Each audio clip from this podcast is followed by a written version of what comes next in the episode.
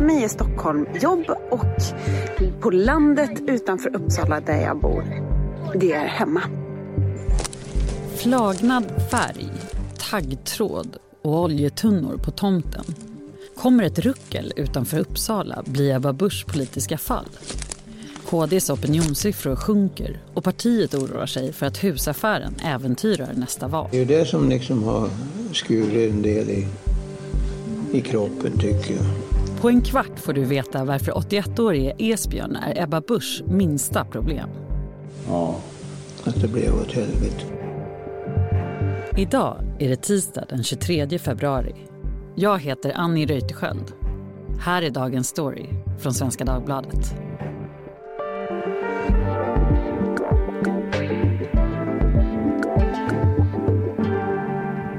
Varför köper du inte ett annat hus? Men jag har ju köpt det här huset. Varför skulle jag köpa ännu ett hus om jag har köpt det här huset i, i god ordning? Göran Eriksson är vår politiska kommentator som har bevakat svensk politik i nästan 30 år. Vad säger du Göran? Varför skulle Ebba Busch släppa allt det här och köpa ett annat hus egentligen? Det vore bara ett enkelt sätt att bespara sig själv och eh, sitt parti en del problem. Alltså det spelar inte så stor roll om det här är sant eller, fall, eller vem som har rätt här. Berättelsen här blir ju att en ung karriärpolitiker kör över en gammal farbror. Det, någonstans, det är lite som att strypa en kattunge. Liksom. Det, det, ser inte bra ut. Även om katten förtjänar det. Så här ser det inte ut hemma hos mig kan jag säga. Titta här! Det var i augusti 2020 som Ebba Busch skrev ett köpekontrakt med 81-årige Esbjörn. Det numera rikskända huset ligger vid en sjö nära Uppsala och kanske viktigare, nära hennes exmans hus. Eftersom tomten var i stort behov av röjning sattes priset något under mäklarens värdering, säger Ebba Busch.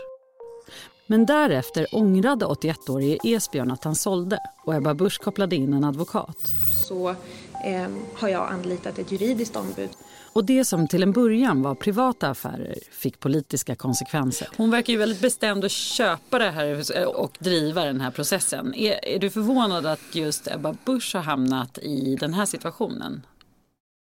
För att kunna svara på det måste jag ge mig in på någon sorts eh, psykologisk analys av Ebba Busch som jag inte har någon som helst grund för. Så det gör jag ju gärna. Och då, då är, om jag gör det så är jag väl inte jätteförvånad. Hon, hon är ju en en lite ovanlig personlighetstyp i svensk politik. Kanske, kanske mer typisk i den nya generationen men det finns ju ingenting av den gamla som, som ändå har funnits någon sorts jantidé även bland partiledare att man ska inte man ska inte vilja makt, man ska inte liksom slå sig fram. Även om alla har gjort det så är det inte det man vill utstråla. Men medan Ebba Busch är ju en väldigt offensiv politiker.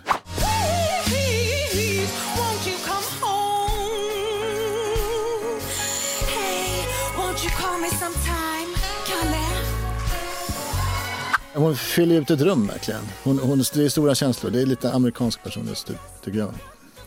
Hon fyller ut ett hus. Eh. Fyller ut ett hus och ja, dröm, först ett rum och sen ett hus. De största riskerna hon tar med här tror jag att hon, hon kanske eh, blir ifrågasatt internt. För jag tror att många i hennes parti tycker att men snälla du släpp det där huset då. Så vi, det, det är ju så här som de alltid säger, eh, ett parti som har problem så säger alla det beror på att vi inte får föra ut vår fantastiska politik. Om vi kunde göra det så skulle vi ha 97 procent. Men i, i det här fallet så nu tycker de vi får inte prata om vår politik, vi får bara prata om det här huset. Så att, eh, det, det, betyder inte att de har rätt, men det betyder att hennes ställning kan försvagas. Kom ihåg bröder, Gud sätter aldrig segelkronan på fel huvud. Kristdemokraternas grundare Levi Petrus var en starkt lysande popstjärna i pingströrelsen. Ändå tog det 20 år för partiet att ta sig in i riksdagen. Och Kristdemokraterna har fått kämpa för att hålla sig kvar. Men partiet var faktiskt uppe på tvåsiffrigt väljarstöd i valet 98. Sen dröjde det 30 år innan man nådde samma nivåer igen. Med den nya partiledaren kom Ebba-effekten. Så sa man i partiet. Men nu är berg dalbanan på väg neråt igen och väljarstödet har halverats. Göran Eriksson säger att Ebba Busch har betydligt större problem än husaffären. Vilka är då det? Topp tre, eller ja, botten tre gärna. kanske. Um, ja, man, kan, man kan börja nerifrån då, det blir mer spännande. Nummer tre, skulle jag säga, det är väl de sjunkande siffrorna i sig. Det, det dels är det hennes problem, men det är också det att de försvagar henne internt. och försvagar hennes politiska immunförsvar i, i partiet. Hon kan bli, kommer att bli ifrågasatt.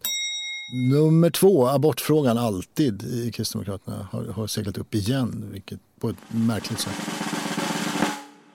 Och nummer ett, första platsen, skulle jag säga identitetskrisen. KD har inte längre någon självklar uppgift i det här nya högerblocket som uppstått i svensk politik.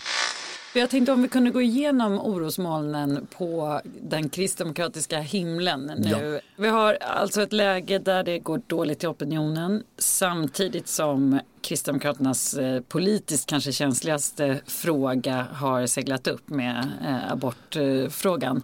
Då kan vi väl börja där då. Varför är abortfrågan så känslig? Svensk konservatism har, har ju återuppstått på ett intressant sätt. Det, det, finns ju nu ett sorts, man kan kalla det konservativt block eller högerblock där, där, där konservativa opinion plötsligt har en politisk plattform som, som inte har funnits överhuvudtaget i svensk politik sedan början av förra seklet. Eh, så det, det, tycker, det är ju intressant och där någonstans passar KD in. Men en fråga som uppenbarligen inte passar in i den här konservativa vågen, om vi ska kalla det, det, det är abortfrågan. Det, här, det har inte bara KD fått erfara, det är även Sverigedemokraterna har ju avvecklat sin hårdare abortpolitik. Det är uppenbarligen inte så att svenska väljare, eller i någon högre grad, inte ens då de som ligger på högerkanten, tycker att det finns någon anledning att inskränka aborträtten. Inte i några större skara i alla fall. Så, så det, det, är inte en vinnarfråga i svensk opinion. Och det finns ständigt en misstanke om att de här partierna faktiskt är mer emot abort än vad de faktiskt säger att de är. Politikreporten Maggie Strömberg kommenterar abortdebatten i Expressen TV efter att det visat sig att KD-kvinnors ordförande Sara Havnerås som tar fram partiets jämställdhetspolitik har varit med i flera abortkritiska organisationer. Och Kristdemokraterna vet att den här frågan kan skada partiet. Det är inte länge sedan den populära KD-politikern Lars Adaktusson tvingades bort efter att han 22 gånger röstat för en minskad aborträtt i EU-parlamentet. Något han hävdade att... Partiledningen har varit fullt ut informerad om varje omröstning i Europaparlamentet. Eh, och det stämmer helt enkelt inte. Den här frågan har ju dykt upp igen eftersom eh, Sara Havnerås, eh, tidigare KDU men nu i partiet, eh, har, det har blåst om henne vad gäller abortfrågan. Är du förvånad att man inte har gjort mer för att undvika den situationen igen? Jag är väldigt förvånad att man inte lärde sig läxan. Alltså man, det här partiet fick ju en ordentlig smäll rakt i ansiktet i valrörelsen. Och, och, och, reagerade på det, man, man drog slutsatser av det i sin valanalys och sen låter man det här hända igen. Det är en oförsiktighet som är faktiskt uppseendeväckande. Det är dåligt, dåligt hantverk skulle jag säga. Så i den meningen är jag förvånad, ja. Å andra sidan inte så förvånad. För det, någonstans ligger den här frågan i partiets DNA. Den här identitetskrisen som du pratar om då, är Kristdemokraterna riksdagens äldsta tonåring? ja, det, det, det är möjligt, ja. Uh, jag tänkte inte så mycket på tonåren kanske. Nej, jag tänkte mer, mer på det här uh, att de tappar så mycket stöd så hastigt.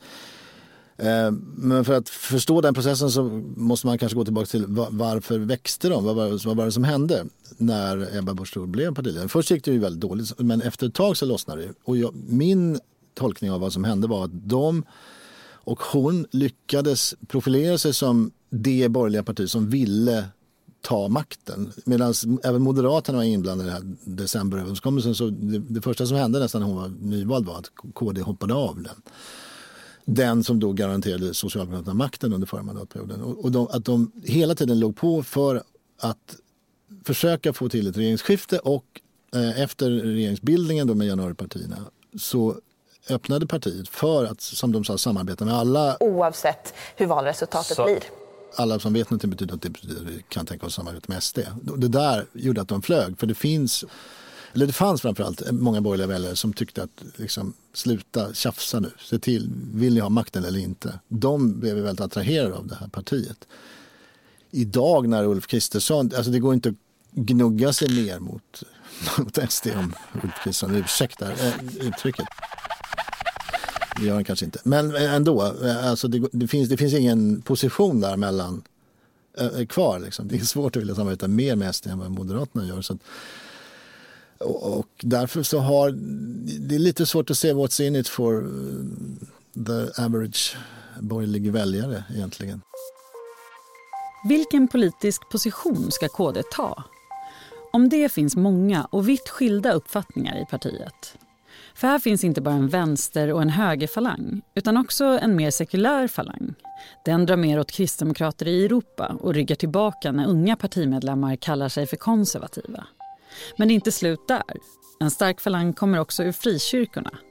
Och så har vi ungdomsförbundet, KDU, vars idéer har blivit tongivande under Ebba Buschs tid som partiledare.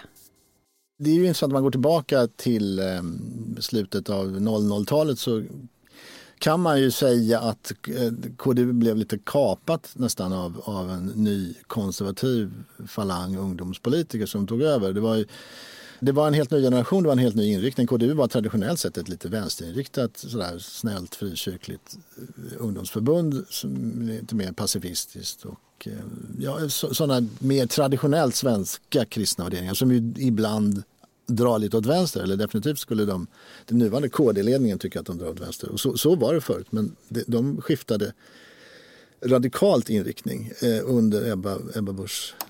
Det är med ganska stor ödmjukhet som jag tar mig an uppdraget. Ja, det är väl en ny falang och de har ju nu då intagit partiet. Eh, hon, där ingick ju också Sara Skyttedal. Där ingick, precis som nu sitter då i, i EU-parlamentet.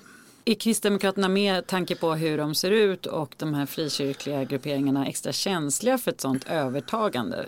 Jag tror att, ja men i någon mening så tror jag, jag kan ju, om jag ska bli personlig, jag har växt upp i den svenska frikyrkan, jag vet, all, nej, jag vet inte allt om det men, men jag vet lite, min bild av den är att den kanske inte är sådär eh, omedelbart beredd till att slåss. Men det är, det är, jag tror inte riktigt att de var förberedda på, de har inte den mentaliteten att eh, liksom, ta en maktkamp. Jag tror inte de riktigt förväntar sig det. Och, och det här, de här ungdomspolitikerna, den här generationen körde rätt hårt. De som trodde att de kunde meja ner oss, de har fått se. Men som sagt, jag, jag är inte övertygad om att eh, partiet på djupet, om man tittar på medlemmarna, är, är helt och fullt besjälade av samma glödande högerkonservatism som, som Ebba Busch är. Men det är intressant det du säger med din egen frikyrkliga bakgrund. Alltså, hur pass eh, hård var den här linjen? Som, de, de gjorde det här rätt hårt sa du. Man tänker på Sara Skyttedal till exempel, ja, hennes eh, del i decemberöverenskommelsen när den sprack. Vi visar att vår politik, ja men den funkar och den går hem. Har du champagne med dig? Ja, med mig en hel del champagne. det, det, var ju det här berömda när hon öppnade en flaska champagne efter att ha, ha då fällt den här decemberöverenskommelsen. Eh, det, det fanns en hel del saker som var uppseendeväckande. Dels att det här lilla partiet som annars var fram till Göran Hägglunds dagar bara har präglats av någon sorts sitt i båten, ta det lugnt, vi ska inte bråka. Trygghet i det lilla är trygghet i det stora. Jantelagspolitik ändå. Eh, att, att de gjorde det här, de välte hela den här överenskommelsen mellan liksom, de stora partierna. Det var uppseendeväckande, det var inte i närheten av så uppseendeväckande som att människan öppnade en flaska Bollinger i, i, i det här efter att det hade hänt. Med min bakgrund så är det, jag är fortfarande chockad. Så gör man inte. Det signalerar någonting om att det, det här partiet är inte vad det har varit alls. Glöm det liksom. Det finns ju en estetisk eh, bild som de här KDU-kvinnorna eh, leker med också. Ja. Höga klackar, tajta klänningar, eh, klara färger. Alltså det är ju antitesen till Jante. Och, Absolut, jo. Och det är någon sorts konservativ, det är nästan så här punkprovocerande ibland. Att, att de liksom, det, är lite, det är rävjakt och det är monokel och hela, hela den biten. Liksom. Det kanske är en lek någonstans. Men, det, men den le, leken tror jag i frikyrkokretsar tror jag att den, den är lite svårt att få folk att acceptera den eller förstå den eller omfamna den eller tycka det är okej. Okay. Jag är ett litet stycke dynamit maskerad till sockerbit men med tanke på eh, de problem som Ebba Busch nu står inför och de här vikande siffrorna, eh, husaffären, kan den göra att hon faktiskt får backa från den här hårda linjen hon har drivit hittills och tillfredsställa den här eh, mjukare delen av partiet? Det är inte, det är inte omöjligt. Jag, jag kanske tonar ner husaffären lite grann. Det har jag gjort hela tiden. Jag, jag, tror att det finns andra, det finns ju andra problem. Då är frågan varför jag ska eh, vika mig.